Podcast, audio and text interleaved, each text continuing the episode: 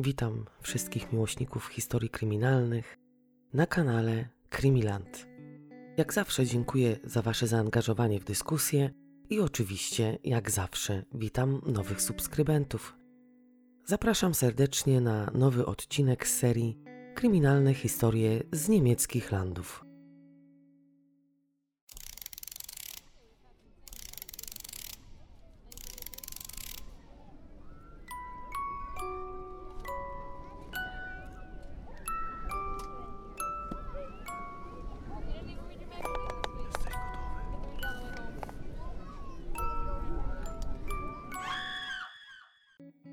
Zabieram Was do Ida Oberstein, miasta położonego w Rheinland-Pfalz i liczącego około 30 tysięcy mieszkańców.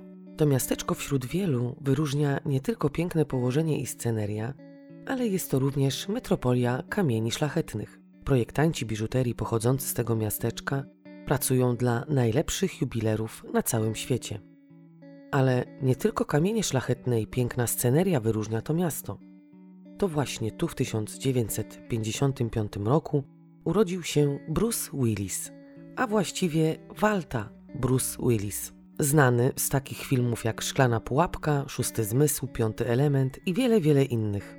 Jednym z najciekawszych zabytków, czy też jedną z najciekawszych budowli, jaką widać już z oddali, jest kościół ewangelicki wybudowany wewnątrz skały.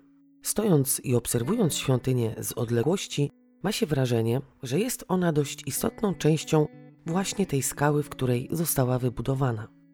Z powstaniem tego kościoła związana jest nieszczęśliwa historia miłosna. Legenda głosi, że dwóch braci, którzy kochali się w tej samej kobiecie, pewnego dnia strasznie się pokłócili właśnie o tą niewiastę i o miłość do niej. Pokłócili się tak bardzo, że jeden z nich podczas bójki, która się między nimi wywiązała, wyrzucił drugiego przez okno zamku, który był usytuowany na szczycie tej właśnie skały. Sprawca, targany wyrzutami sumienia, podzielił się swoją tajemnicą z opatem, który, który w ramach pokuty nakazał mu wybudowanie świątyni w miejscu, gdzie jego brat zginął. Winowajca wziął się więc do pracy i zaczął wydrążać skałę. Wydrążał ją bez przerwy, nie robiąc żadnego dnia wolnego. I z czasem powoli w skale powstawała ogromna wyrwa. Kiedy było już wystarczająco miejsca, wybudował świątynię i prosił Boga, modląc się siarczyście, o jakikolwiek znak przebaczenia. Prosił o znak, ponieważ mimo tego, że wybudował ten kościół, sumienie nadal nie dawało mu spokoju. Kiedy tak codziennie się modlił w miejscu świętym, ciągle prosząc i prosząc litościwego Boga o ten znak, wówczas ze skały nagle, a niespodziewanie, z ogromną siłą wypłynęła woda, w której proszący o przebaczenie utonął. Podają różnie. W jednych źródłach stoi, że po wydrążeniu tej dziury w skale zły brat po prostu zmarł ze zmęczenia, w innych, że po wybudowaniu świątyni utonął. Jednak wszystkie źródła są jednomyślne w temacie pochówku obu braci, a mianowicie pochowano ich w kościele wybudowanym przez jednego z nich. 31 stycznia 1984 roku w mieście, o którym mowa, urodziła się Zara H. W niebieskiej tekturowej teczce ozdobionej naklejkami Najpierw jako dziewczynka szkicuje swoje życie, później z czasem zaczyna je opisywać. Można śmiało powiedzieć, że jest to jej pamiętnik, który stał się dla niej jedynym powiernikiem, jedynym niemym przyjacielem, który wszystko przyjął, ale nie mógł niestety jej odpowiedzieć na żadne zadawane przez nią pytanie, ani nie mógł znaleźć złotego środka na jej problemy. Zara jest jedynaczką i dorasta w rodzinie biednej. Mimo to, że posiada dwoje rodziców, to tylko jedno z nich przejęło odpowiedzialność utrzymania rodziny i zapewnienia jej podstawowych potrzeb, ale o emocjonalną stronę życia ich córki jakoś nie zabiegali. Ojciec ciężko chory na serce, nie może podjąć żadnego zatrudnienia, więc to właśnie na matkę spada odpowiedzialność, o której wspomniałam. Rodzina, mimo to, że jest biedna, żyje w odosobnieniu, nie mają żadnych przyjaciół, nie mają żadnych znajomych, także żyją tylko w swoim gronie. Nasza dzisiejsza bohaterka od czasów przedszkolnych miała trudności z nawiązaniem kontaktów z rówieśnikami, jak i ze znalezieniem przyjaciela. Dziewczynka przeważnie siedziała sama podczas zabaw i podczas posiłków. Kiedy panie przedszkolanki organizowały wspólne zabawy, żadne z dzieci nie chciało podać jej ręki. Wtedy towarzyszami i towarzyszkami Zary stały się jej plastikowe lalki Barbie wraz z ich męskimi odpowiednikami Kenami. Pierwszą z nich otrzymała w wieku trzech lat. Dbała o nią, codziennie czesała jej włosy, plotła warkocze, spinała je w kok, prała ubranka i przeprowadzała z nią rozmowy na temat wszystkiego i niczego. Kiedy poszła do szkoły podstawowej, jej sytuacja się nie zmieniła. Na szkolnym korytarzu stała przeważnie sama. W ławce podczas lekcji również siedziała sama. Była tym dzieckiem, które zawsze wysyłało do wszystkich zaproszenia na przyjęcia urodzinowe i było otwarte na każdego kolegę czy też koleżankę, ale nie dość, że goście nie dopisywali, to również żadne z dzieci, z którymi chodziła do jednej klasy, nie zapraszało jej na swoje imprezy urodzinowe, bo kolegowanie się z kimś takim jak Zara groziło utratą szkolnego koleżeństwa, szkolnej popularności, jak i utratą pozycji w danej grupie. Dziewczynka wówczas była bardzo chuda, można powiedzieć niedożywiona, więc to był pierwszy powód tego, żeby móc jej już nie lubić. Po drugie, nie nosiła dżinsów, co powodowało, że jej rówieśnicy nie lubili jej już podwójnie, wręcz nią gardzono. Po tym jak lekarze trochę wyprowadzili ją na prostą i zaczęła przybierać na wadze, również się nic nie zmieniło. Nadal te spodnie były powodem tego, że rówieśnicy jej nie trawili. Do tego bohaterka dzisiejszej historii niestety nie mogła niczym zaimponować kolegom i koleżankom ze szkoły. Jak już wspomniałam, jej rodzina była uboga, więc dziewczynka nie miała wypasionego plecaka szkolnego, nie miała wypasionego piórnika, czy też żadnych ciekawych gadżetów, którymi oczywiście mogłaby się pochwalić w szkole. Poza tym nie bardzo wiedziała, jak i co może zrobić, żeby ją zaakceptowano, bo im bardziej starała się zaskarbić sobie przychylność otoczenia, jak i sprawić, żeby ją zaakceptowano, było coraz gorzej. Stało się tak, że była regularnie popychana, opluwana, bita i wyzywana przez rówieśników. W swoim pamiętniku zapisała, że w podstawówce nie odbywało się to aż tak brutalnie jak w szkole średniej. To, co działo się w szkole podstawowej, dało się jeszcze jakoś przeżyć. Natomiast to, co robiono jej w Realschule, przechodziło wszelkie wyobrażenia. Nauka w szkole podstawowej w Niemczech trwa 4 lata. Później dzieci idą do szkół średnich. Są to zawodówki, licea, jak i technika. Także w Niemczech gimnazjum to jak polskie liceum, Realschule to jak polskie technikum, a Hauptschule to jak polska zawodówka. Oczywiście, jeśli chodzi o poziom nauki w niemieckich szkołach, jest on dużo niższy niż w polskich. Zara po ukończeniu szkoły podstawowej poszła do technikum. Jeśli by nie dawała sobie rady w szkole podstawowej, z pewnością wylądowałaby w Hauptschule, czyli zawodówce. W Niemczech decydujące zdanie w kierowaniu dzieci z podstawówki do dalszych szkół mają tylko i wyłącznie nauczyciele.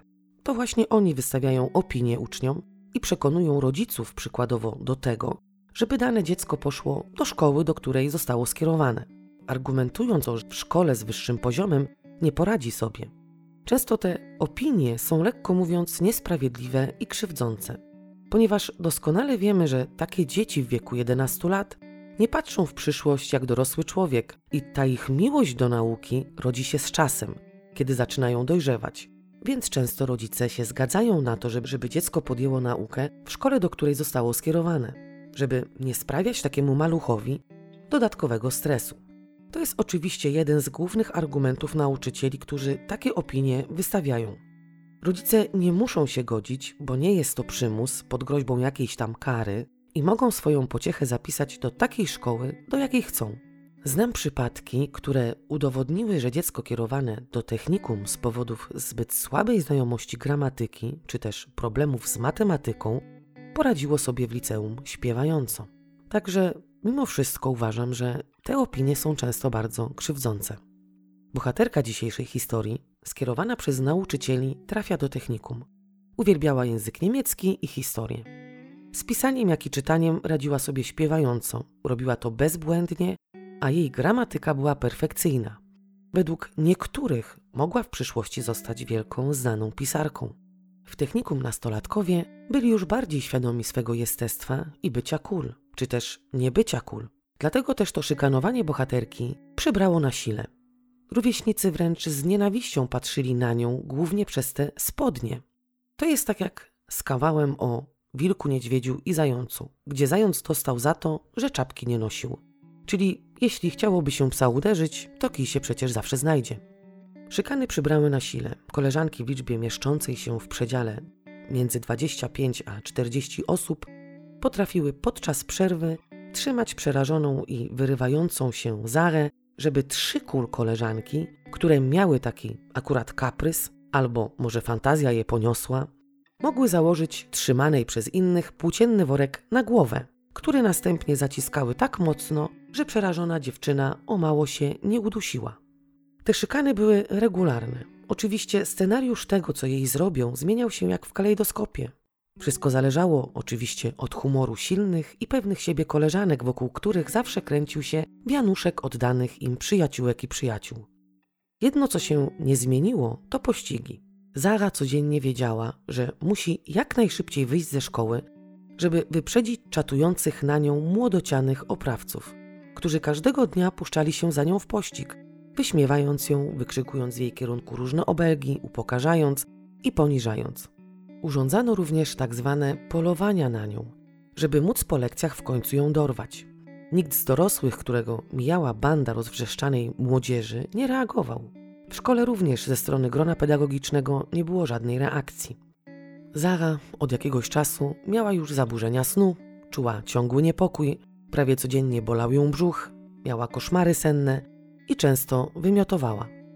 Powiem wam, że byłam kiedyś obecna tu w Niemczech podczas rozmowy dotyczącej szykanowania w szkole. Nie wiem, jak jest w Polsce, jak szkoła podchodzi do tego typu sytuacji, więc mogę się tylko wypowiedzieć, jeśli chodzi o szkołę niemiecką. Oczywiście nie wsadzam wszystkich niemieckich pedagogów do jednego wora, ale powiem wam, że byłam lekko zszokowana, kiedy usłyszałam od dyrektora, iż szykanowana dziewczyna jest sama sobie winna, bo się nie uśmiechała i nie była miła. Oczywiście ten uśmiech, o którym mowa w pojęciu osoby wypowiadającej się, jest wyznacznikiem tego, czy ktoś jest miły, czy też nie. Dziewczyna na początku swojej przygody w Niemczech i rozpoczęcia tam nauki spotkała się z atakami ze strony kolegi, który był od niej młodszy o dwa lata. Ona miała wówczas 15, a on 13 lat. Chłopak swoją znajomość z nią rozpoczął tym, że podszedł i uderzył ją pięścią w głowę. Później to szło coraz dalej i dalej, a do trzynastolatka dołączyli koledzy. Było ciąganie za włosy, obelgi, które były rzucane po polsku, bo słowo na K jest tutaj bardzo dobrze znane i kojarzy się tylko i wyłącznie z Polakami, ale dziewczyna nie należała do takich, które stoją w kącie i zalewają się łzami. Kilka razy delikwentowi oddała. Jeden szykanowany odda, a drugi będzie się bał oddać, bo tak jak w tym przypadku może spowodować to nasilenie się tych ataków. Doszło do tego, że dziewczyna była przyciskana do ściany i do niej całym ciałem przywierał ten, który ją szykanował. Wracała do domu zapłakana, przestała chodzić do szkoły, bo się po prostu bała. Poinformowano dyrektora, który wezwał delikwenta wraz z rodzicami do szkoły. Oczywiście winowajca tłumaczył się, że to były żarty, a ona po prostu ich nie łapała że powinna reagować przyjaźniej. Chłopiec napisał list z przeprosinami do dziewczyny. Napisał oczywiście, że kocha ją miłością przyjacielską i przeprasza z całego serca. Dyrektor jednak w rozmowie już z matką koleżanki stwierdził, że dziewczyna sama sobie była winna, bo się nie uśmiechała, nie rozmawiała z kolegami i koleżankami. Trudno mu było zrozumieć to, że mogła być zestresowana przykładowo, bo weszła przecież w nowe otoczenie, nie umiała jeszcze wówczas mówić dobrze po niemiecku i to powodowało jej milczenie, jak i brak reakcji werbalnej na zaczepki. To było poza wszelkimi jakimikolwiek tłumaczeniami. Nie uśmiechała się, nie była miła i do tego oddała kilka razy koledze. To sama sobie była winna. Czyli tak jakbyśmy powiedzieli zgwałconej kobiecie, że skoro założyła mini i ją napadnięto, to powinna mieć pretensje tylko do siebie. Oczywiście znam tylko jeden przypadek, który Wam tutaj opisałam. Nie mogę powiedzieć ze stuprocentową pewnością, że we wszystkich niemieckich szkołach w taki sposób podchodzą pedagodzy do tego typu sytuacji. I tak właśnie było również z bohaterką tej historii. Czuła się pozostawiona samej sobie, ponieważ na to, co się działo w szkole, nie było odpowiedniej reakcji ze strony grona pedagogicznego, ani ze strony rodziców. Być może gdyby rodzice zrobili tak zwany szum i zażądali wyciągnięcia konsekwencji w stosunku do tych, którzy szykanują, wówczas szkoła musiałaby zareagować. Ale tutaj właśnie tego zabrakło. Zara czuła się bezradna, bezsilna i beznadziejna, ponieważ nie umiała i nie potrafiła się bronić. Codziennie towarzyszył jej lęk, a najlepiej i najbezpieczniej czuła się w swoim pokoju wśród swoich plastikowych przyjaciół, trzymając oczywiście pod pachą swój pamiętnik, któremu powierzała swe pragnienia, bolączki i obawy. Brak jakiejkolwiek reakcji ze strony osób dorosłych spowodował, że dziewczyna, nie mogąc już znieść tego, co się dzieje w szkole, przeniosła się z technikum do Hauptschule, czyli zawodówki. Tam również ją szykanowano, czyli zmiana szkoły niestety nie pomogła w tym przypadku. Po ukończeniu zawodówki podjęła dalszą edukację w chrześcijańskim ośrodku młodzieżowym. Tego typu ośrodki pomagają młodym ludziom z problemami w ogólnym tego słowa znaczeniu wyuczyć się danego zawodu. Także jest tam różna młodzież, wśród której są również tacy, którzy mieli już nieraz problemy z prawem. Zara rozpoczęła tam szkolenie na stanowisko pracownika usług domowych. Po ukończeniu tego szkolenia mogłaby pracować w domach opieki, internatach, uzdrowiskach, szpitalach, schroniskach młodzieżowych, hotelach czy prywatnie u rodzin, seniorów lub osób samotnych, które oczywiście potrzebują pomocy. Mogłaby także wyspecjalizować się w gospodarstwach rolnych i na przykład pracować tam, gdzie prowadzone są edukacyjne zajęcia rekreacyjne, coś jak agroturystyka. Ogólnie jej praca polegałaby na utrzymaniu porządku, jak i dbaniu o stan zdrowia przykładowo jej pracodawcy, czyli prywatnie osoby starszej. Oczywiście wszystko zależałoby od tego, gdzie podjęłaby pracę. Podczas nauki, którą odbywała w chrześcijańskim ośrodku młodzieżowym, również była ofiarą szykan. W swoim pamiętniku zapisała, że kolega z klasy ciągle i ciągle ją uderzał. To były pojedyncze uderzenia, dawkowane co jakiś czas. Zara zliczyła, że było to dziennie średnio od 50 do 70 uderzeń. Dodała na końcu: W ogóle nie mogłam się obronić. Z powodu problemów, z którymi nie umiała sobie poradzić, stresu, który towarzyszył jej prawie od zawsze, jak i braku akceptacji ze strony otoczenia i bardzo krytycznego podejścia do samej siebie, zaczęła się kompulsywnie obiadać. W rezultacie czego przez 3 lata przytyła 20 kg, co jeszcze bardziej zaniżyło jej już dość mocno nadszarpnięte własne poczucie wartości i spowodowało, że otoczenie bardziej dawało znać o tym, że jej po prostu nie akceptuje. Po ukończeniu szkolenia, nie mogąc znaleźć pracy, wróciła do rodziców, którzy w międzyczasie kupili dom w Fischbach, małej miejscowości położonej niedaleko miasteczka Ida Oberstein. Można powiedzieć, że rodzicom dziewczyny zaczęło wieść się lepiej, ale z tego, co napisała w pamiętniku, wynikało, że jej rodzice trochę się przeliczyli kupując dom, że nie mierzyli sił na zamiary i zaczęło im brakować pieniędzy na podstawowe rzeczy. Myśleli, że wszystko będzie dobrze, Zara będzie pracowała, dołoży się do utrzymania jakoś to będzie. Jednak było inaczej. Nadeszła zima, a wraz z nią mrozy. Zara napisała wówczas w pamiętniku: Rok 2008 był rokiem, w którym moi rodzice nie mogli już kupić oleju opałowego. Zimy były brutalnie mroźne, tak mroźne jak na Syberii. Nigdy nie lubiłam zim, ale od tamtej pory zaczęłam się ich bać. Kiedy miała dwadzieścia kilka lat, matka załatwiła jej pracę w tym samym supermarkecie, w którym pracowała. Zatrudniono ją na pół etatu, a zakresem jej obowiązków było sprzątanie półek i czasami wypakowywanie na nie towaru. Pracę zaczynała około czwartej rano. Oczywiście nie zarabiała kroci, bo miesięcznie jej pensja wahała się między 600 a 700 euro netto. Było to niestety zbyt mało na rozpoczęcie samodzielnego życia, jak i nowego początku, ale znacznie pomogło trochę podciągnąć dość mocno nadwyrężony budżet domowy. W pracy również nie była dobrze traktowana, szczególnie przez klientów, obrażali ją i czasem nawet zdarzało się, że ją popychali. Z tego właśnie powodu bała się chodzić do pracy. Myślę, że to byli jej dawni koledzy i koleżanki ze szkoły, którzy codziennie wtedy okazywali jej sympatię, oczywiście w cudzysłowie sympatię. Przez te lata niepowodzeń, upokorzeń i poniżań Zara zdołała zebrać około 160 sztuk lalek Barbie i Kenów. Lalki po prostu pozwalały jej przetrwać. To właśnie im się zwierzała, opowiadała o tym, co robiła w pracy, zwierzała się ze swoich marzeń.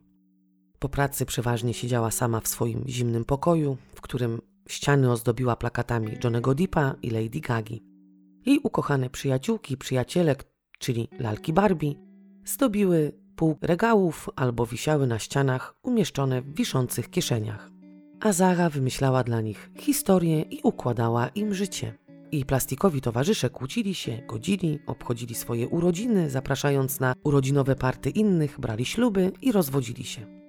Wówczas w Niemczech dużo rozmawiało się o małżeństwach homoseksualnych, więc dziewczyna pozwoliła Ludwikowi i Franz Józefowi, czyli dwóm Kenom, którzy byli jej ulubieńcami, wziąć ślub.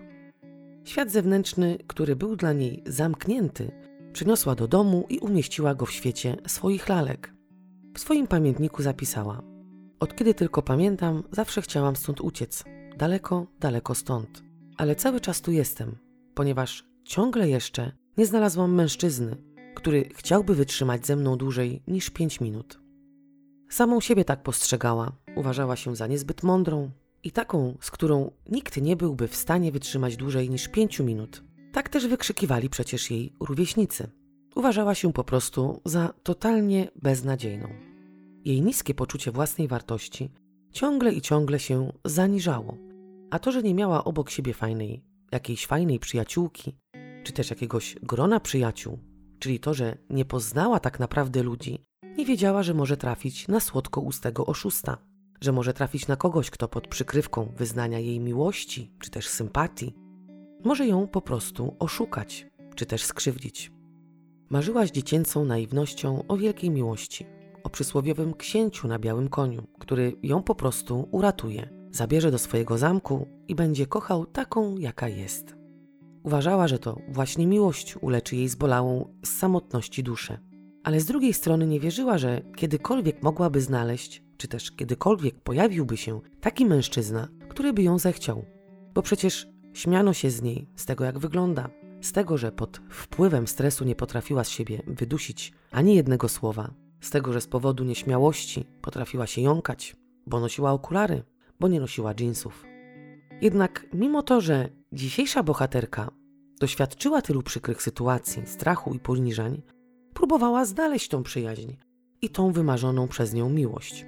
Pewnego dnia założyła profil na jednym z portali społecznościowych, Wer kennt wen, czyli kto kogo zna. To był taki prekursor Facebooka, coś jak nasza klasa.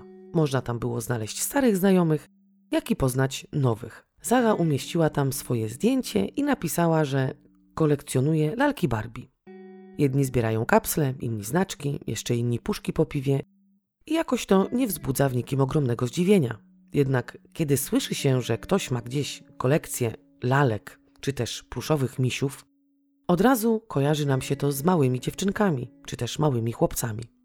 Jednak są ludzie, którzy w swoich kolekcjach mają po 15 tysięcy właśnie takich lalek, jakie kolekcjonuje bohaterka tej historii. Więc dla normalnych odbiorców nie powinno być to czymś, co wzbudza jakąś sensację, a już tym bardziej czymś, co daje powody do hejtu. Zara ma dobre serce, do tego jest łatwowierna i naiwna. Jej szczere podejście i wyjście do ludzi, oczywiście w cudzysłowie wyjście, bo przecież kontakty w internecie nie zmienią tych, nie zamienią tych realnych, które są naprawdę potrzebne każdemu z nas, spowodowało, że stała się dobrym celem dla internetowych oszustów. Bo ci, którzy stawiają sobie cel manipulacji i wykorzystywania za punkt honoru, za maską troskliwości i zainteresowania, skrywają właśnie to swoje prawdziwe oblicze, a przez internet nie da się tego po prostu zweryfikować. Zresztą często jeśli chodzi o ludzi typu Zary, to nawet i w realnym świecie ta naiwność uniemożliwia prawidłowe odczytywanie tych ostrzegawczych znaków.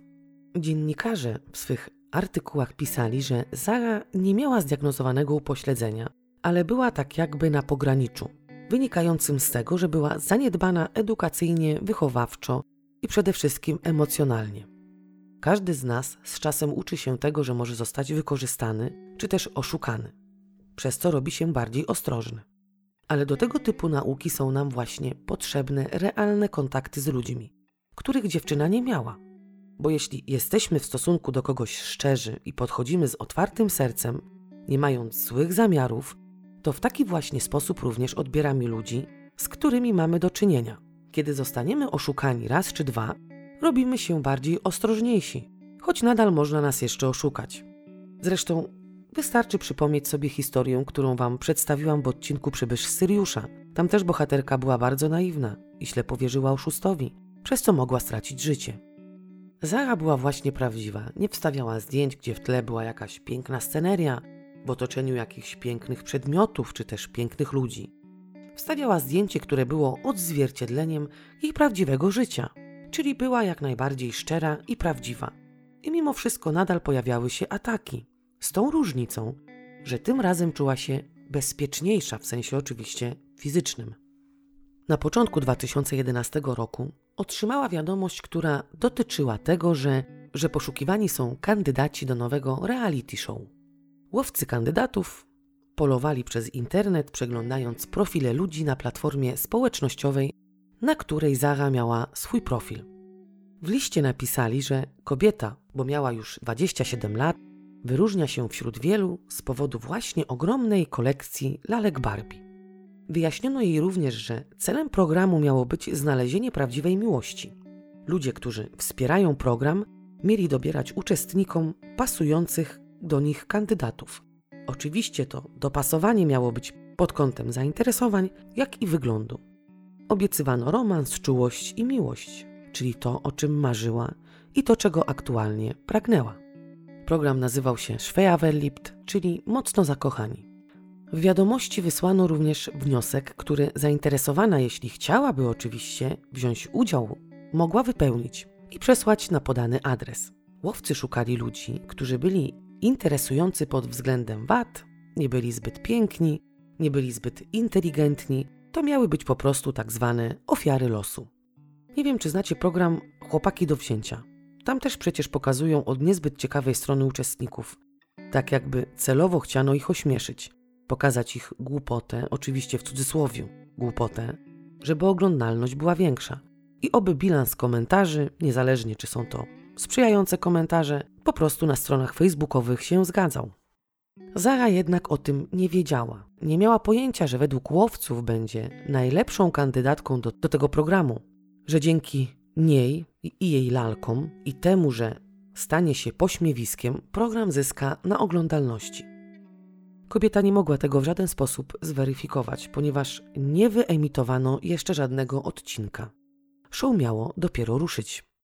Wypełniła wniosek i nawet nie czekała na odpowiedź, bo nie podejrzewała, że zostanie zaakceptowana. Sama później mówiła w jednym z wywiadów, że nigdy w życiu nie pomyślałaby, że ją wezmą do tego programu. Była podekscytowana i myślała, że jeśli nawet ludzie nie spojrzą na nią przychylniejszym okiem, to z pewnością pomoże jej to w znalezieniu tej wymarzonej przez nią miłości. A przecież tego pragnęła najbardziej. Szczerze wierzyła w dobre intencje producentów, jak i to, że wśród ludzi oglądających te, ten program znajdą się tacy, którzy nie będą jej postrzegać w taki właśnie sposób, jak postrzegali ją koledzy i koleżanki ze szkoły. Wraz z nią zakwalifikował się miłośnik galaretki, kolekcjoner Lego, kolekcjoner puzli, miłośnik pulchnych kobiet, no i gej, który miał dość kłamstw i postanowił za pośrednictwem tego programu się ujawnić, mając nadzieję, że znajdzie miłość. Było tam też wiele, wiele innych ludzi, którzy byli według producenta dziwaczni. Jednak wszystkich łączyło jedno wspólna chęć znalezienia drugiej połówki i tej prawdziwej miłości. Uczestnicy przedstawieni w programie mieli otrzymać listy od chętnych, którzy chcieli ich poznać, i wśród tych listów mieli wybrać dwóch mężczyzn czy też dwie kobiety. To było zależne od tego, jakiej płci był uczestnik, którzy według nich byli najbardziej odpowiedni. Później pokazywano scenki ze spotkań, jak na przykład dwóch rywali czy też dwie rywalki wypowiadają się na temat osoby, o której względy zabiegają. No, nie brzmi to jakoś tragicznie ani sensacyjnie. Jednak tą sensację i salwy śmiechu czy też pogardy wśród widzów mieli wywołać właśnie ci, ci dziwni uczestnicy, jak i starający się o ich uczucia potencjalni partnerzy. Ruszyła pierwsza edycja i na ekranie telewizorów w całych Niemczech, oczywiście w czołówce, pojawiła się Zara. Kobieca narratorka przedstawiła ją słowami: Zara ma 27 lat i żyje w swoim własnym, wyimaginowanym świecie. Jej największą pasją życiową są lalki Barbie, których zebrała już ponad 160 sztuk. Ale przecież lalki nie są w stanie zastąpić prawdziwego mężczyzny. W trakcie tej prezentacji na ekranie Zara czesała jedną ze swoich Barbie, wybrała taką z blond włosami, a w tle leciała piosenka Emily Big Big World. W następnych odcinkach Zara po wybraniu już dwóch kandydatów spędza z nimi czas. Widzowie oglądają, jak pokazuje bezrobotnemu ogrodnikowi, który kolekcjonuje puzzle, i jego rywalowi swoje dwie ulubione lalki, mówiąc prostodusznie: To jest Ludwik i Franz Józef. Są gejami. Ludwik był wcześniej hetero i poślubił Jasmin, ale ona kochała Aladina i się rozwiedli. Od tego czasu Ludwik miał powyżej dziurek w nosie wszystkich kobiet i stał się gejem. W innym znów odcinku Zara bierze Kena i Barbie do ręki, następnie odgrywa scenę seksu, po czym odkłada lalki na półkę i mówi do kamery, że to jej już nie bawi, że chętnie spróbowałaby tego z Dyrkiem, jednym z kandydatów, jeśli, jeśli on oczywiście chciałby tego. W innym znów odcinku smaruje ramię Dyrka czekoladą, żeby sprawdzić, jaką smakuje. Następnie zlizuje tą czekoladę i zachwyca się tym, że mężczyzna jest słodki. Później pokazują dwóch kandydatów starających się o jej względy, jak przeprowadzają rozmowę na temat tego, kto pierwszy spędzi z nią noc, czyli którego kobieta wybierze i pójdzie z nim do łóżka. Kolekcjoner puzli zgodziłby się pod warunkiem, że miałby pewność, iż drzwi do jej pokoju można by było zamknąć na klucz. W rezultacie tego wszystkiego stała się pośmiewiskiem w miejscowości, w której mieszkała. Obrzucano jej dom jajkami i stojąc pod oknami jej domu wykrzykiwano obelgi. W jednej z knajp znajdującej się nieopodal jej domu zbierali się widzowie i oglądali podczas popijania piwka odcinki z udziałem Zary. Wracając w nocy, a czasem nad ranem, walili pięściami w drzwi domu, w którym mieszkała z rodzicami, wydzwaniali do drzwi, wykrzykiwali obelgi pod oknami. Często nawet rozbijali kufle o fasadę domu. Na ulicach miasteczka, w którym mieszkała przed przeprowadzką, jak i we wsi, w której rodzice kupili dom, również nie spotkała się z przychylnością. Popychano ją, opluwano i wyzywano. Na stronie internetowej tego programu, w którym wzięła udział, niektórzy pisali: Znamy ją, to ta, co ją w szkole ostro jechaliśmy. Zara nie wiedziała, jak to przerwać i nie wiedziała też, jak mogłaby się bronić. Ale między tymi widzami, którzy wyśmiewali ją na ulicach czy też w markecie, w którym pracowała, była dziennikarka Fera Mula, która postanowiła napisać do Zary, żeby uświadomić jej, że program, w którym wzięła udział, ma na celu postawienia jej w bardzo niekorzystnym świetle. Zara oczywiście miała już tego świadomość, ale nie miała pojęcia, jak może to przerwać. Kiedy odpisywała dziennikarce, zapytała jej wprost, jak mogę się obronić. W taki właśnie sposób narodziła się prawdziwa przyjaźń między dziennikarką a Zarą. Kobieta po raz pierwszy w życiu miała obok kogoś, kto nie chciał pozwolić jej skrzywdzić, kto stał w jej obronie, kto naprawdę przejął się jej losem. Dziennikarka poruszyła niebo i ziemię i nagłośniła nieetyczne zachowanie producentów, jak i samej prowadzącej program. Jako lokalna prasa nawoływali do bojkotu programu, opisali tam życie Zary i to, z czym się borykała i boryka przez lata. Stworzyli specjalną stronę, na, na której w całkiem inny sposób przedstawiono 27-latkę, czyli przedstawiono ją tam normalnie.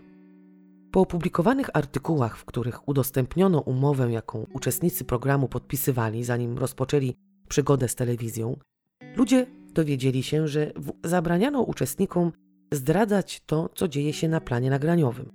Nie mogli mówić o tym, że wszystko, co się dzieje w programie, zostało wyreżyserowane, że uczestnicy tak naprawdę podczas nagrywań mówili to, co im kazano. Podpisując umowę, podpisali również zgodę na to, że zrzekają się wszelkich praw do ochrony, jakie im przysługiwały, czyli producenci mogli robić z nimi co chcieli. Za 15 dni nagraniowych płacili 700 euro netto. Za tą sumę Zara kupiła ojcu wygodny fotel, w którym mógł siedzieć i oglądać telewizję. Takim oto sposobem historia kobiety pod tytułem Mocno zakneblowani zamiast mocno zakochani trafia na pierwsze strony gazet w całym kraju. Zara nagle znajduje się w centrum uwagi i jest najbardziej pożądaną przez dziennikarzy rozmówczynią. Praktycznie każdy z nich chciał zrobić z nią wywiad.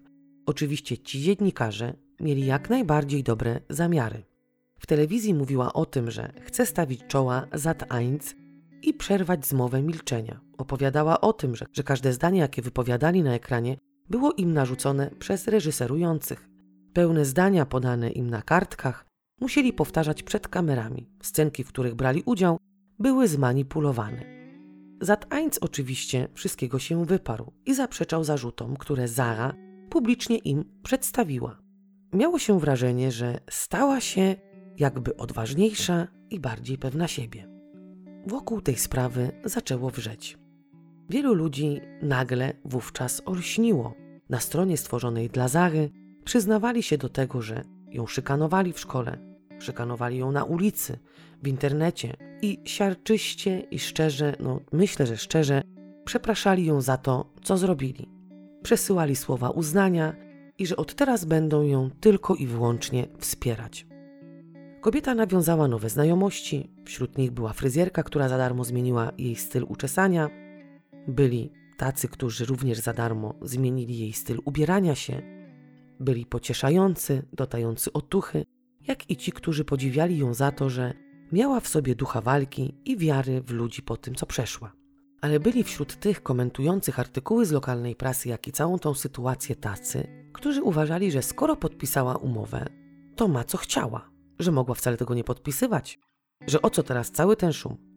Ale wówczas Vera Müller, przyjaciółka Zary, napisała artykuł, tłumacząc ludziom, że nie każdy czyta tak naprawdę skrupulatnie umowy że takie podejście również niczego nie zmieni, ponieważ powinno się hejtować nieetyczne podejście producentów, powinno się hejtować świadome wykorzystywanie innych, a nie podpisanie umowy przez podatnych na manipulację ludzi.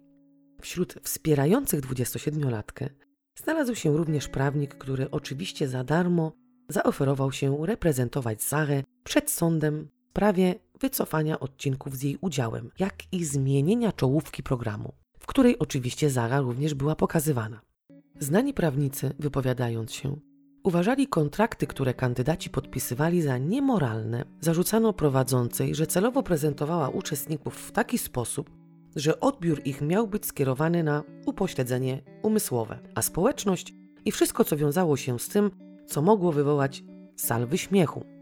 W sprawę nieetycznego postępowania producentów zaangażował się sam Kurt Beck, ówczesny premier Rheinland-Pfalz, który publicznie wezwał władze państwowe odpowiedzialne za media do sprawdzenia programu, mówiąc, że polowanie na widzów nie może prowadzić do wystawiania aktorów amatorów na pośmiewisko i pokazywaniu ich w poniżających sytuacjach.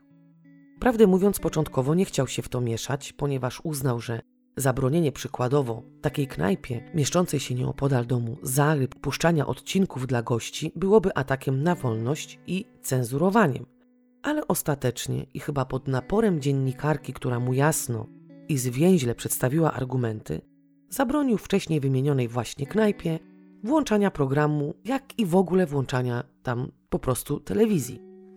Kobieta dzięki tym działaniom dostała to, o czym zawsze marzyła. Otrzymała uznanie i zwrócono na nią uwagę. Pozytywny sposób oczywiście.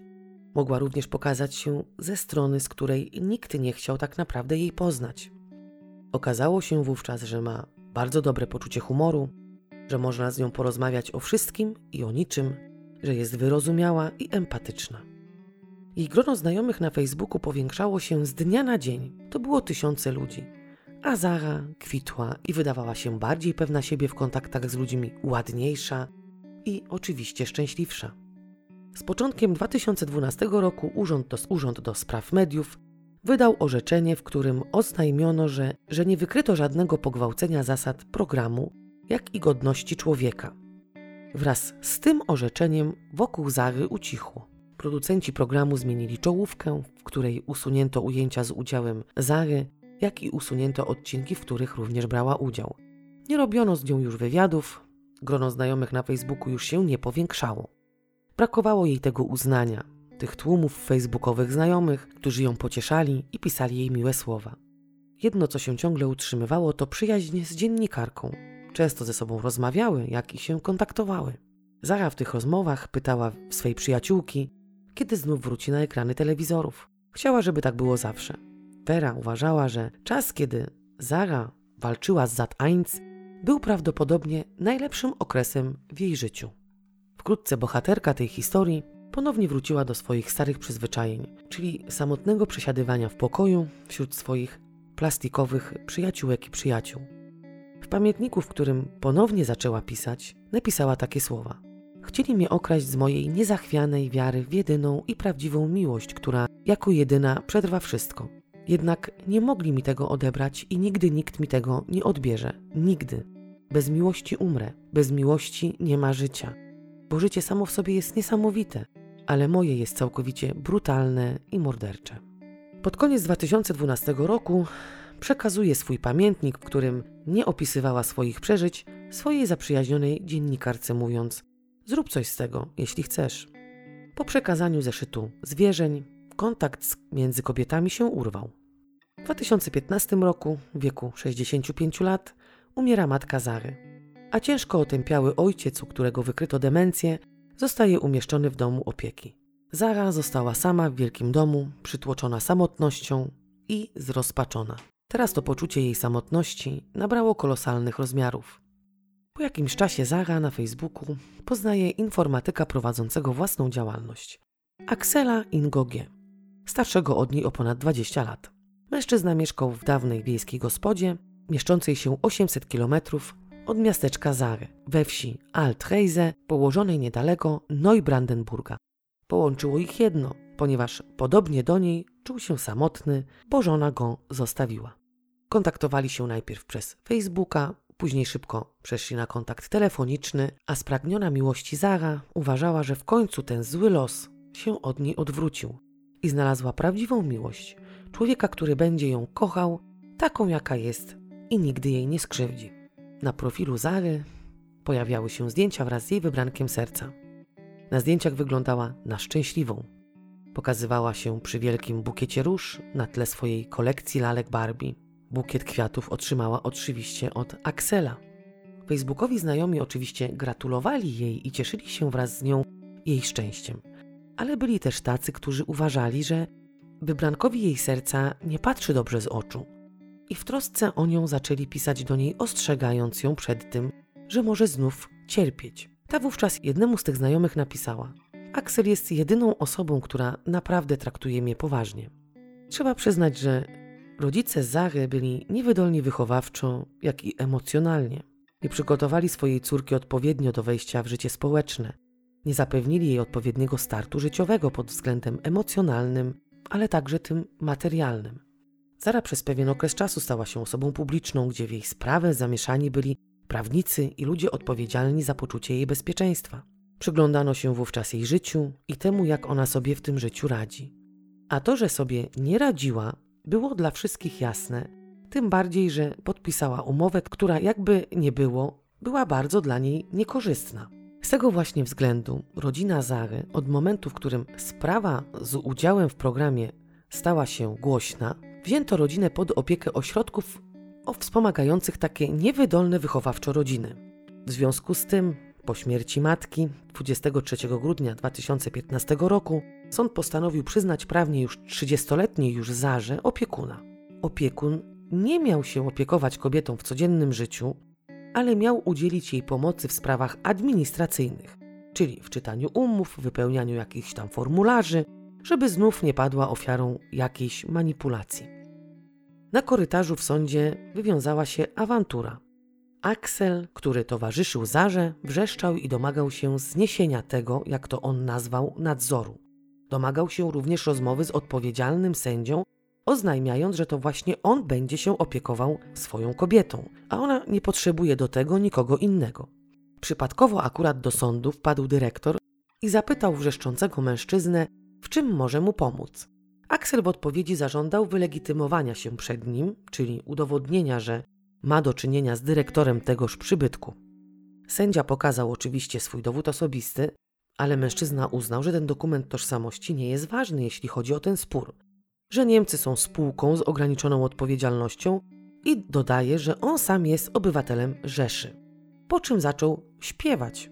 Wówczas jeden z ochroniarzy podszedł do śpiewającego i zakłócającego spokój chcąc go wyrzucić z budynku sądu, na co pracownik ochrony w odpowiedzi otrzymał dość mocny cios pięścią w twarz.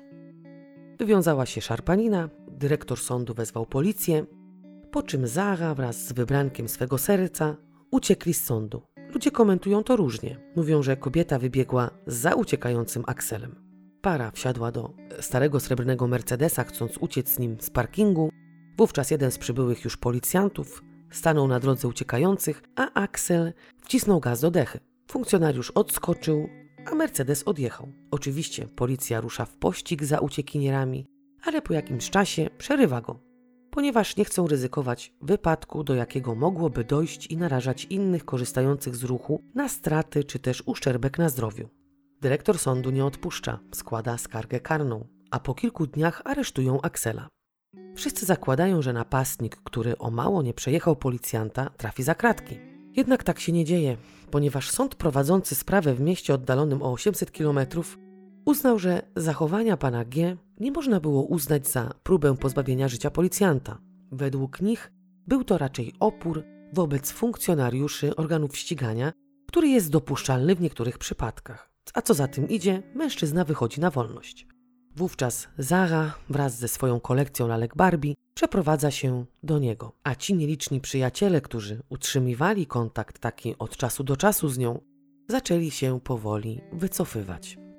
Mężczyzna imponował za tym, że był odważny, przebojowy, nie łamał się pod naciskiem, imponował tym, że chciał się nią zaopiekować, tym, że w ogóle chciał z nią żyć i tworzyć związek. Nie wyłapała sygnałów zagrożenia, o których już na początku tej historii wspomniałam, ponieważ była łatwowierna, naiwna i ślepo wierzyła, że jeśli ktoś mówi, że kocha, to nie jest w stanie skrzywdzić tego, którego obdarza tym uczuciem. A przecież tego właśnie pragnęła, więc lgnęła do niego jak ćma do światła. Była mu podporządkowana całkowicie, bezrefleksyjnie przyjmując jego poglądy, które stawały się coraz bardziej absurdalne. Chciała go zadowolić, zrobić wszystko, co tylko mogła, żeby ją kochał. I tak właśnie obserwującym jej profil się wydawało, że była kochana i uwielbiana. Były tam m.in. zdjęcia zatytułowane Szczęśliwa noc. Zdjęcia przedstawiały szczęśliwą Zarę wraz z jej ukochanym Akselem na pikniku, na którym również były lalki Barbie.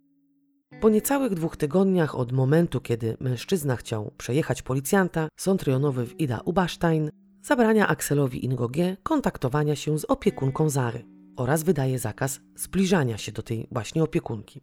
Mężczyzna nękał ją telefonami, wyzywając ją podczas rozmów, jak i zastraszając.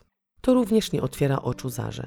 Nie powoduje, że zapala się w jej głowie czerwona lampka. A może podejrzewa, że nie będzie dobrze. Może w duchu wierzyła, że Axel nie, nie skieruje tych ataków w jej stronę.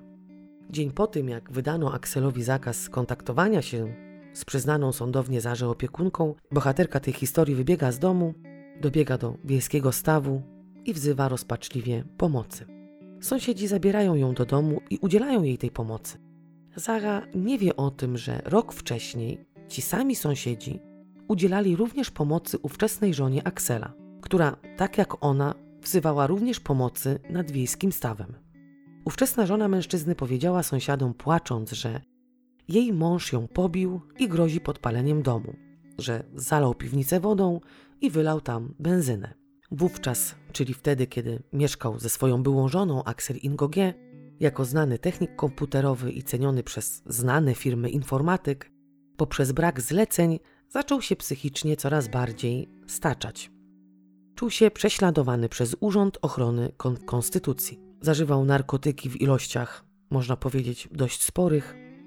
Umilał sąsiadom życie, stawiając w oknach dość spore głośniki i puszczając przez cały dzień głośną muzykę, którą było słychać nawet poza granicami wsi. Na Facebooku umieszczał posty, pisząc jakieś bezsensowne rzeczy. Wtedy, kiedy jego ówczesna żona uciekła przed swym mężem, bo ten najpierw ją pobił, później, jak już wspomniałam, wylał benzynę i wodę w piwnicy, następnie zagroził, że podpali dom, 6 stycznia 2015 roku sąd rejonowy w Neubrandenburgu tymczasowo umieścił w szpitalu psychiatrycznym na obserwacji Axela. Po dwóch tygodniach tej obserwacji wypuszczono mężczyznę, ponieważ lekarz w swej opinii wpisał, że Axel nie jest już zagrożeniem dla siebie i innych. Teraz, kiedy Zara siedziała zapłakana przy stole sąsiadów, ponownie jak wcześniej, kiedy ją mobbingowano, nie potrafiła sklecić zdania. Jąkała się i mówiła półsłówkami. Mówiła, że została przez niego porwana, że on ciągle i ciągle bez opamiętania połyka tabletki, czyli zażywa narkotyki. I oczywiście jej każe również połykać tabletki. Mówiła o tym, że jest bita i boi się o swoje życie. Sąsiedzi wezwali policję, która aresztowała Aksela, a Zara poszła do schroniska dla kobiet. Jednak niedługo po tym zdarzeniu ludzie znów zaczęli widywać Aksela spacerującego wraz z Zachą, która pisemnie wycofała swoje zarzuty. Być może ją przepraszał, być może obiecywał złote góry i dlatego wróciła. Ludzie podejrzewają, że naiwnie wierzyła w to, iż Aksel ją rzeczywiście kocha, że nie jest złym człowiekiem. Po drugie, nie bardzo miała już dokąd wrócić. Matka zmarła, ojciec znalazł się w ośrodku, a w schronisku dla kobiet znów nie czuła się dobrze, bo tam inne kobiety nie były dla niej zbyt przychylne. Axel zaczął umieszczać filmy w internecie, czyli na tych swoich profilach facebookowych, bo miał ich kilka. Na jednym z nich siedzą w aucie, a Axel mówi: Zara była dziś strasznie używana, a ona siedzi obok blada, uśmiecha się nieśmiało i nie widać w jej oczach szczęścia. Alex publikuje również na Facebooku dokumenty, które mają świadczyć o tym, że poślubił Zarę, oczywiście jako obywatel Rzeszy. Na jednym z filmów, również opublikowanych na Facebooku, mówi: Za naszymi plecami założyli czwartą Rzeszę. Wiem o tym, dlatego powinienem zostać usunięty z obiegu.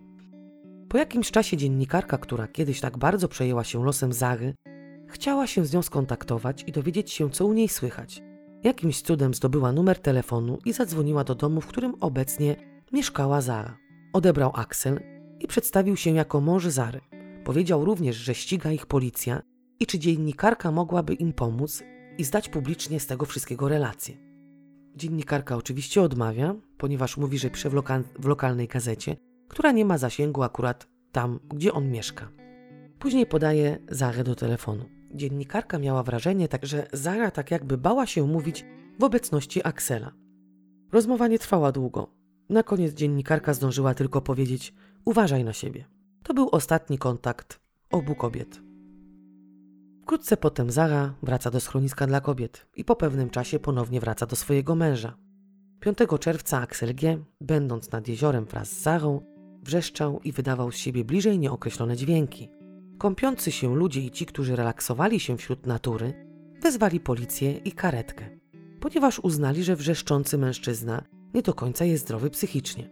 Przybyły na miejsce lekarz, nie kieruje go do szpitala psychiatrycznego. Uznaje, że Axel jest po prostu naćpany, a nie chory psychicznie. Czy go aresztowali? Nie, bo nie zagrażał nikomu. Dwa tygodnie później Axel umieszcza na Facebooku filmik, na którym gra na gitarze przed liczną publicznością, jaką są dość mocno zdezorientowane krowy. W pewnym momencie mówi do swej towarzyszki: To jest komunikacja, zauważyłaś? Zara odpowiada tępym głosem tak, na co Axel odpowiada: Chcą mnie zamknąć, głupie gliny. Następnie oboje zaczynają wyć jak szaleni w stronę właśnie tych zdezorientowanych krów. Dzień później na jego facebookowym profilu pojawia się kolejny film, na którym rudowłosa Barbie wisi na sznurkach, a między jej nogami tkwi metalowa figurka nosorożca.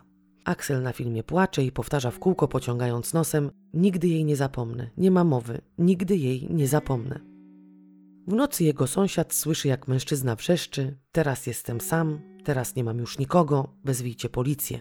Jednak sąsiedzi nie wzywają policji. Być może nie biorą tych wrzasków na poważnie. Być może uważają, że wezwanie policji i tak przecież niczego nie zmieni. 16 lipca mężczyzna publikuje na Facebooku post tej treści. Zara równa się agencja wywiadowcza oraz policyjna ochrona konstytucji. Zaplanowali, żeby mnie zniszczyć. Nadszedł wtorek 9 sierpnia 2016 roku. Wschód słońca w Altreise zapowiada, że tego dnia będzie piękna pogoda, a dzień będzie upalny. Sąsiedzi pijąc poranną kawę przed pracą, ci co wstają rano wiedzą jak to bywa. Człowiek chce posiedzieć spokojnie, pokontemplować, zrelaksować się i ogólnie bez jakichś tam większych akcji doczekać momentu wyjścia z domu. Kiedy tak w spokoju planowali rozkład dnia, nagle wyrwał ich z tej ciszy dość głośny dźwięk puzonu. Dźwięk był przeszywający, rozdrażniający, no i do tego bardzo głośny. Tak głośny, że całą wieś postawił na równe nogi. Mieszkańcy oczywiście wiedzieli doskonale, kto zafundował im taki poranek. Jednak nie bardzo wierzyli, że wzywając policję, Axel zostanie aresztowany i zatrzymany, albo może zamknięty na jakiś czas w szpitalu psychiatrycznym. Jednak kiedy ci, co mieszkają za tak zwanym płotem, zobaczyli, że, że sąsiad gra na puzonie stojąc nago w ogrodzie przynależącym do jego domu, zawiadomili policję, chcąc, żeby ta jakoś go uspokoiła i uświadomiła, że nie może tak oficjalnie chodzić nago. Po drugie, nie oszukujmy się, kiedy mielibyśmy takiego sąsiada, który nie jest łatwy we współżyciu i w taki sposób demonstruje swoje wdzięki w pełnej okazałości, a mielibyśmy przecież dzieci, to obawialibyśmy się o te dzieci. Przyjeżdża policja, zachodzą dom od strony ogrodu. Axel nie zauważa funkcjonariuszy, tym bardziej, że jest zaabsorbowany grą na puzonie. Przedstawicielom prawa ukazuje się oczywiście nagi mężczyzna ze wspomnianym wcześniej instrumentem. Dookoła w ogrodzie leżą porozwalane śmieci, jakieś części garderoby, papiery, zdjęcia kobiet wycięte z gazet dla dorosłych, roztrzaskane meble, jednym słowem totalna demolka. Zachodzą Aksela od tyłu i obezwładniają go. Poza tym bałaganem panującym na zewnątrz funkcjonariusze zwrócili uwagę na znany im już fetor. Wchodzą do domu w celu zlokalizowania oczywiście zwłok. Wnętrze domu było zdemolowane, porozwalane meble. Na podłodze leżały tysiące zdjęć kobiet wyciętych oczywiście z gazet dla dorosłych, masa robactwa pełzającego i latającego. Funkcjonariusze wchodzą w końcu do łazienki i zauważają, że obok wanny stoi ręczny wózek, taki służący m.in. do przewożenia skrzynek z piwem, jak i transportowania ciężkich rzeczy po schodach. Do tego właśnie wózka przywiązany był pakunek wielkości człowieka. Natychmiast wzywają koronera wraz z ekipą techników i prokuratora. Rozwinięcie pakunku specjalistom zajęło trochę czasu, ponieważ musieli rozwinąć ręczniki, koce, maty do spania, jak i prześcieradła z tworzywa sztucznego. Musieli to rozwinąć w taki sposób, żeby ewentualnie nie zniszczyć żadnych dowodów. Po zdjęciu tych warstw ich oczom ukazują się zwłoki w dość mocno posuniętym już stanie rozkładu. Ciało było już w takim stanie, że koroner nie mógł określić płci. Po przeprowadzeniu oględzin i wstępnym przesłuchaniu świadków, zaistniało podejrzenie, że ciało może należeć do Zary. Koroner nie mógł również ustalić, kiedy ofiara zmarła i jaka była przyczyna śmierci. Stan zwłok oczywiście to utrudniał. Jedno co było pewne, to właśnie to, że Denat czy też Denatka nie żyli od kilku dobrych tygodni. Śledczy przeprowadzają oględziny miejsca zbrodni, jak i całego domu, który, tak jak już wspomniałam, był zdemolowany. Wśród tego nieładu i mimo i pomimo przeszukiwania tego domu nie udało im się znaleźć żadnego szczególnego śladu.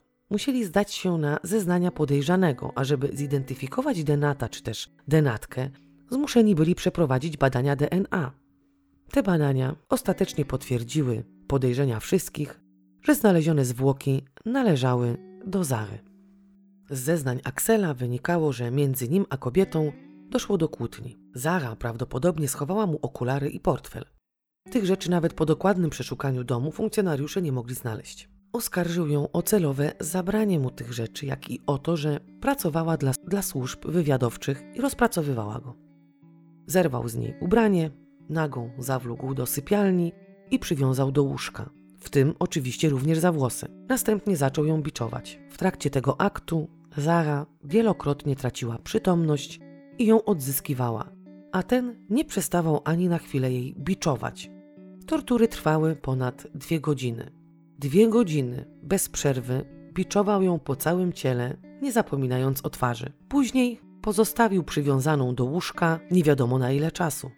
Nie wiadomo ile leżała tam bez picia i jedzenia. Jedno jest wiadome, że leżała tam dopóki, aż zmarła. Kiedy uświadomił sobie po jakimś czasie, że Zara nie żyje, Axel umył zwłoki, w ciele zmarłej umieścił metalowo-bursztynowego skarabeusza, następnie ubrał zmarłą i wyniósł ją na zewnątrz. Po jakimś czasie wniósł zwłoki do środka, owinął je ręcznikami, kocami, matami do spania i prześcieradłami, następnie obwiązał sznurkiem. Według śledczych przedmiot umieszczony w ciele Zary mógł wskazywać na rytualne motywy czynu. Axel wielokrotnie umieszczał posty na swoich wielu kontach na Facebooku o tematyce mitologicznej. 17 lipca, kiedy prawdopodobnie Zara już nie żyła, skorzystał z jej profilu i umieścił link do Anubisa, starożytnego egipskiego boga, obrzędów pogrzebowych i munifikacji. Kiedy śledczy znaleźli jej ciało, ono wyglądało właśnie jak mumia. Lekarze patolodzy ustalili, że 32-letnia kobieta zmarła z powodu niewydolności sercowo-naczyniowej.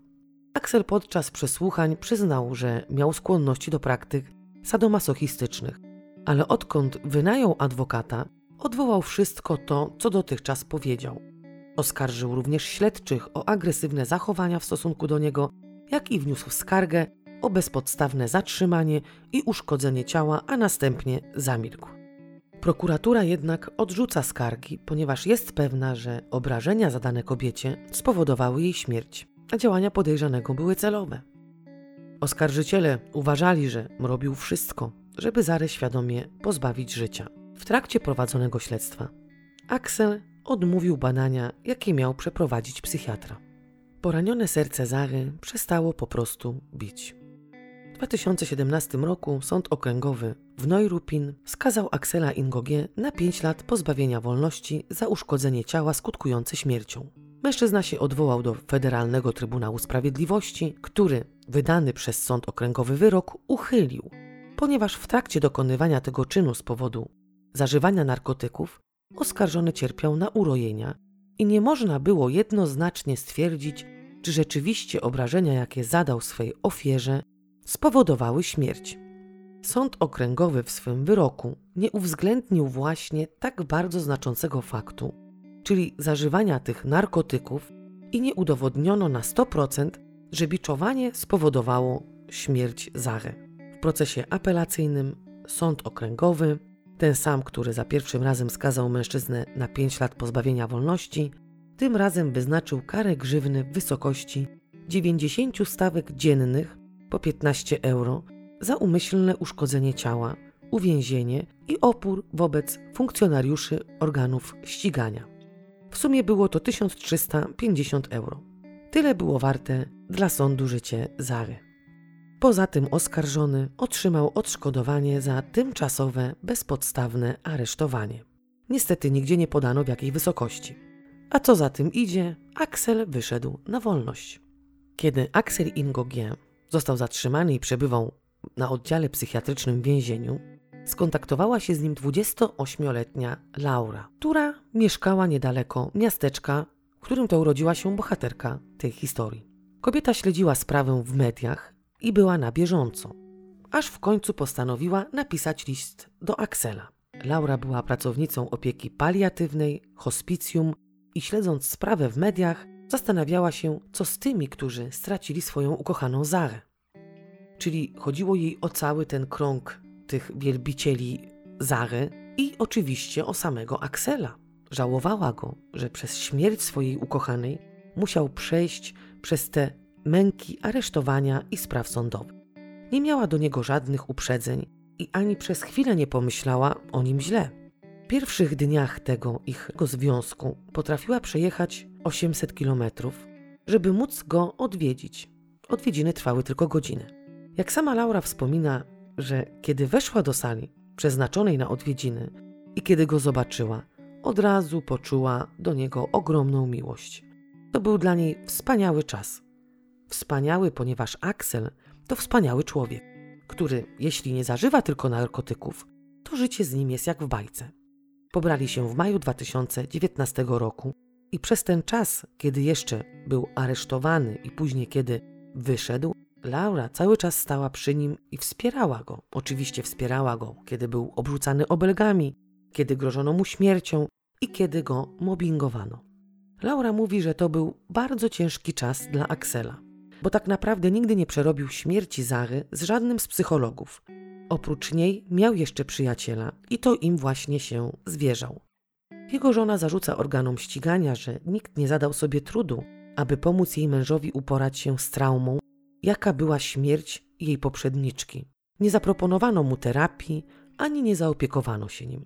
Kobieta nie ma ochoty na to, żeby chcieć w jakikolwiek sposób wytłumaczyć placówki wsparcia medycznego.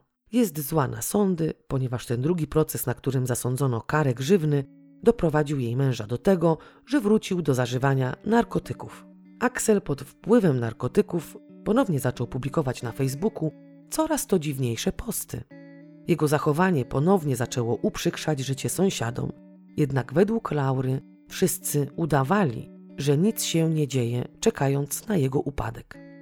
10 września 2020 roku Laura zawiadomiła policję i poprosiła ich o pomoc. Jej mąż Axel był pod silnym wpływem narkotyków i był w takim stanie, był w tej fazie, jak to ona sama twierdzi, kiedy doszło do biczowania Zary. Był niebezpieczny nie tylko dla niej, ale również dla samego siebie. Ciąg narkotykowy, w którym tkwił jej mąż, nie miał końca i sytuacja zajęła się na tyle, że kobieta wyprowadziła się z, z ich wspólnie wynajmowanego mieszkania, znajdującego się na Starym Mieście. Laura zaznacza, że nie opuściła swojego męża, jak głosiły media społecznościowe. Chciała mu tylko pokazać, że on tak po prostu żyć nie może. Dwa tygodnie później, czyli 25 września 2020 roku, Axel umieścił na Facebooku film, jak ogrzewa się butlą gazową. Kilka chwil po umieszczeniu tego posta na Facebooku, ciszą spokojnego miasteczka, wstrząsnęła potężna eksplozja. Z mieszkania na poddaszu, wynajmowanym przez Axela, buchały płomienie, które spaliły prawie cały dom z muru pruskiego. Axel został wywleczony z poważnymi obrażeniami przez strażaków, którzy natychmiast po wybuchu podjęli oczywiście akcję ratunkową. Umieszczono go w klinice, której wkrótce później zmarł. Jedyną osobą, która go, jak tu słyszeliście, tłumaczyła, była tylko i wyłącznie jego ostatnia żona Laura, nadal rozpaczająca po śmierci męża. Kobieta rozpacza nie tylko z powodu śmierci męża, ale również dlatego, że nie miała okazji się z nim pożegnać. Jest przekonana, że Axel ją kochał, ponieważ pół godziny przed śmiercią wysłał jej wiadomość głosową, w której powiedział, że bardzo ją kocha i bardzo jej potrzebuje. Kobieta jest pewna, że to, co się wydarzyło, nie było samobójstwem, ponieważ jej mąż za bardzo kochał życie. Kobieta tak bardzo przeżyła śmierć ukochanego i jak sama mówi, wspaniałego człowieka, że musiała skorzystać z pomocy psychologicznej. Teraz znów pracuje jako pielęgniarka, ale ból po stracie nadal ją dławi od środka. Po śmierci Zara została skremowana, a jej urna z prochami przewieziona do miasteczka, w którym się urodziła. Tłumy ludzi chciały uczestniczyć w tej jej ostatniej wędrówce. Opiekun, który został jej sądownie przyznany, nalegał, żeby prochy Zary zostały pochowane bez wiedzy innych w cichym lesie. Nie wiadomo, czy zostały tam po prostu rozsypane, czy gdzieś głęboko w lesie zakopano urnę. Nigdzie niestety nie znalazłam informacji na ten temat. Jedna z artystek, z którą jeszcze za życia Zara nawiązała znajomość, prosząc o pomoc w rozwiązaniu problemu z rodzicami, nie wiadomo czego dotyczył ten problem, na swojej stronie, której link macie podany w źródłach, stworzyła jej portret i napisała dla niej kilka wierszy. Jeden z nich przeczyta dla Was Beatka, prowadząca kanał Kan Fikcji. Ptaszku, zaśpiewaj mi piosenkę. Śpiewaj o miłości, tęsknocie i róży która kwitnie tylko dla mnie. Leć, mały ptaszku, leć, wznieś się w powietrze, to właśnie tam jest twój dom, ale wróć i zaśpiewaj mi piosenkę. Nie waż się lecieć zbyt daleko, ja zostaję tutaj i czekam na twoją piosenkę. Wróć i śpiewaj o życiu i śmierci. Jestem tylko człowiekiem. Marzę o lataniu i róży, która kwitnie tylko dla mnie. Mój ulubiony kolor to fioletowy. Leć, ptaszku, leć do róży, która kwitnie tylko dla mnie. Wszyscy, którzy byli zainteresowani życiem Zary, oczywiście w ten pozytywny sposób, zastanawiają się, czy można było jej śmierci zapobiec. Obwiniają system prawny o to, że mężczyzna, który kilkakrotnie był zgłaszany na policję, który według prawników użył swego auta jako broni przeciwko funkcjonariuszowi, nadal był na wolności i nie zastosowano w stosunku do niego leczenia psychiatrycznego. Do tej historii zabierałam się kilka razy, bo to jest jedna z tych spraw, które pozostaną ze mną chyba na zawsze. Los Zary poruszył mnie bardzo i kiedy patrzyłam na zdjęcia i widziałam te jej pełne nadziei i wiary oczy, jak i ten jej nieśmiały uśmiech, to najzwyczajniej w świecie doszłam do wniosku, że, że dopóki ludzie będą ignorantami, dopóki rodzice nie będą uczyć swych pociech empatii, dopóki nie będzie stanowczych reakcji na szykanowanie w szkołach, na mobbing w zakładach pracy, hejt, to wielu będzie cierpiało tak jak Zara. Oby się jej tam wiodło i oby tam zaznała spokoju ducha i poczuła miłość, która była dla niej tak bardzo ważna i istotna. Kończąc tą historię, chciałabym życzyć wszystkim, którzy mnie słuchają, spokojnych i radosnych świąt wielkanocnych. Tym, którzy nie obchodzą świąt, życzę relaksu i wspaniałych dni odpoczynku. Odpoczywajcie i bądźcie zdrowi. Do usłyszenia wkrótce.